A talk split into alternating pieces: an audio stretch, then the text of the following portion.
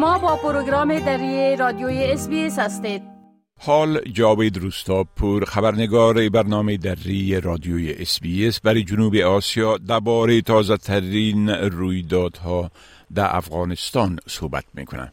آقای روستاپور سلام عرض می‌کنم. خب اولتر از همه گفتم میشه که با فرارسیدن سرما مردم بیجا شده در افغانستان با مشکلات بسیار جدی روبرو شده و حتی از مرگ یک هده هم گزارش شده. بله؟ با سلام وقت بخیر آقای شکیب. بله همان گونه که شما اشاره کردین گزارش ها از آن است که با فرارسیدن فصل سرما هزاران خانواده بیجا شده در افغانستان که یا از مناطق جنگ زده و یا به دلیل خشکسالی به مراکز ولایات پناه بردن با کمبودی بسیار جدی مواد غذایی لباس های زمستانی و امکانات گرمایشی مواجهند و بسیاری از این بیجا شکایت کردند که تا کنون هیچ کمکی برای ازیاد صورت نگرفته. به اساس آمار وزارت مهاجرین و عودت کنندگان طالبان در کابل در حال حاضر حدود 3 میلیون بیجا شده داخلی در افغانستان حضور دارند که تا کنون تنها برای 80 تا 85 هزار تنی از یا کمک صورت گرفته و وزارت مهاجرین و عودت کنندگان طالبان هم گفته که نهادهای کمک رسان تا کنون کمک جدی برای از بیجا شده ها نکردند. این افراد به دلیل جنگ و همچنین رویدادهای طبیعی مانند خشکسالی مناطق اصلیشان را گفته می‌شد ترک کردن و عمدتا در اومه های شهرها در زیر خیمه ها یا کمپ ها زندگی می کنند در چند روز گذشته گزارش شد که در منطقه دشت برچی و منطقه قرغه کابل هشت تن از خانمای باردار که در زیر خیمه ها زندگی می‌کردن از جمله ماجرین بودند به دلیل سردی هوا یا جان باختند اداره سرمفتش ایالات متحده آمریکا برای بازسازی افغانستان یا سگار در تازه ترین گزارش خود گفته که بیش از 24 میلیون تن در افغانستان با فقر و گرسنگی مواجهند یعنی با, با این گزارش سگار گفته می‌شد که 80 درصد مردم افغانستان به مواد غذایی نیاز دارند و در چنین وضعیتی این سه میلیون بیجا شده هم در جمعی از افزود میشه که یا هیچ نامی گفته میشه برای خوردن برای شب هم نداره. و اگر برشان کمک های عاجل صورت نگیرد آمار تلفات از یا امکانش هست که بیشتر و بیشتر بشه بله. خب همچنان گزارش شده که ریاست های عمومی شارواله ولایت ها منحل اعلان شده و ای باعث بیکار شدن یک زیادی از مردم شده بله؟ ملا حیبت الله رهبر طالبان در حکمی که نسخه به رسانه ها درس کرده گفته که شاروالی های ولایت ها و ولسوالی ها زیر اثر ولایت های مربوطه قرار گیرند و ریاست های عمومی شاروالی ها به صورت کل منحل شود به اساس این دستور آیاتی از نمایندگان اداره امور وزارت داخله وزارت مالیه ریاست عمومی شاروالی کابل تعیین شده تا وسایل نقلیه و وسایل تجهیزات ریاست را ثبت و اسناد و سوابق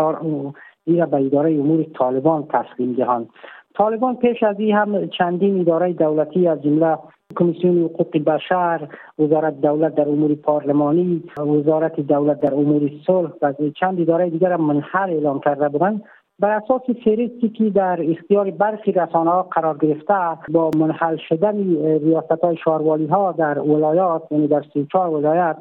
بیش از 4788 نفر از کارشان بیکار شدند که در وضعیت کنونی گزارش شده که بسیار به دشواری و فقر بیشتر برای مردم می انجامد به دلیل از اینکه کار در افغانستان نیست در یک خانواده هشت نفری ده نفری یا پنج نفری تنها یک نفر تنها شود که در این ادارات کار می‌کرد و او به اصطلاح نفقه خانوادهش تکافو می‌کرد. ولی با بیکار شدن از این میزان بیکاری و فقر در افغانستان بیشتر شده و این مسئله در رسانه شبکه های اجتماعی هم از روز گذشته به این طرف سر صداهای زیادی را ایجاد کرده بله خب طالبا میگه که موترهای حامل آرد پروگرام جهانی غذا که غارت شده بودن عاملین او را دستگیر کرده. بله؟ مسئولان محلی طالبان در ولایت اورزگان گفتند که ده ها نفر را به اتهام دزدی شدن مواد کمکی برنامه غذایی جهان در این ولایت بازداشت کردند. روز گذشته گزارش شد که بیش از صد آرد و دال از موترهای WFP در اورزگان دزدی شد. مولوی دفاعی مسئول حوزه اول امنیتی شهر ترینکوت مرکز ولایت اورزگان گفته که تحقیق از این چل در پیوند به دزدی شدن مواد غذایی جریان دارد. منابع محلی هم گفتند که نیروهای امنیتی طالبان شماری از ساکنان محل را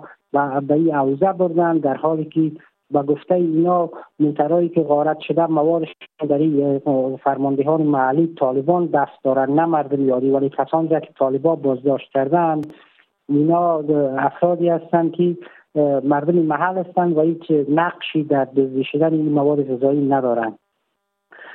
آقای ولی قریشی رئیس اطلاعات فرهنگ طالبان هم در ارزگان اما گفته که رانندگان کاروان های وسایط برنامه غذایی جهان مقصرند با گفته او در جایی که موترا را یا پارک کرده بودن یا ایستاده بودن ناب جای نابجا بوده در یک دشت بوده که خالی از سکنه بوده و این مسئله سبب شده که دزدان با استفاده از خالی بودن فضا با موترا هجوم ببرند و مواد یک موتر به صورت کلی با خود بردن ولی ای که چی کسی که این مواد غذایی از این موترا غارت کرده تا کنون مشخص نیست که آیا واقعا افرادی وابسته به طالبا بردن یا مردم محل. بله خب گفتم میشه که در یک حمله مسلحانه به یک محفل عروسی در لغمان. تعدادی از مردم به شمول داماد و عروس کشته شدن بله؟ بله مسئولان امنیتی طالبان در لغمان تایید کردند که در یک حمله مسلحانه بر یک مراسم عروسی در ولسوالی علیشنگ ولایت عروس و داماد کشته شدند و هفت نفر دیگه هم زخمی شدند. یوسف یوسفزای سخنگوی قماندانی امنیتی طالبان در لغمان گفته که این رویداد در منطقه دونپال علیشینگ اتفاق افتاده و فردی که بر این مراسم تیراندازی کرده او را بازداشت کردن او جزیاتی در مورد انگیزه این موضوع نداده که به چی دلیلی این فرد بر این عروسی تیراندازی کرده. اما منابع محلی گفتند که این مرد مخالف عروسی فرد با این دختر با همین فردی که با کسی که عروسی کرده با این بوده. این مسئله سبب شده که این بیاید و به این مراسم تیراندازی کنه که در نتیجه عروس داماد کشته شده و هفت نفر دیگه هم زخم برداشتند. بله خب آقای روستاپور از این معلوماتتان بسیار تشکر و فعلا شما را به خدا می سپارم و روز خوش برتان آرزو می کنم. وقت شما هم خوش خدا حافظ ناصرتان. می خواهید این گونه گزارش ها را بیشتر بشنوید؟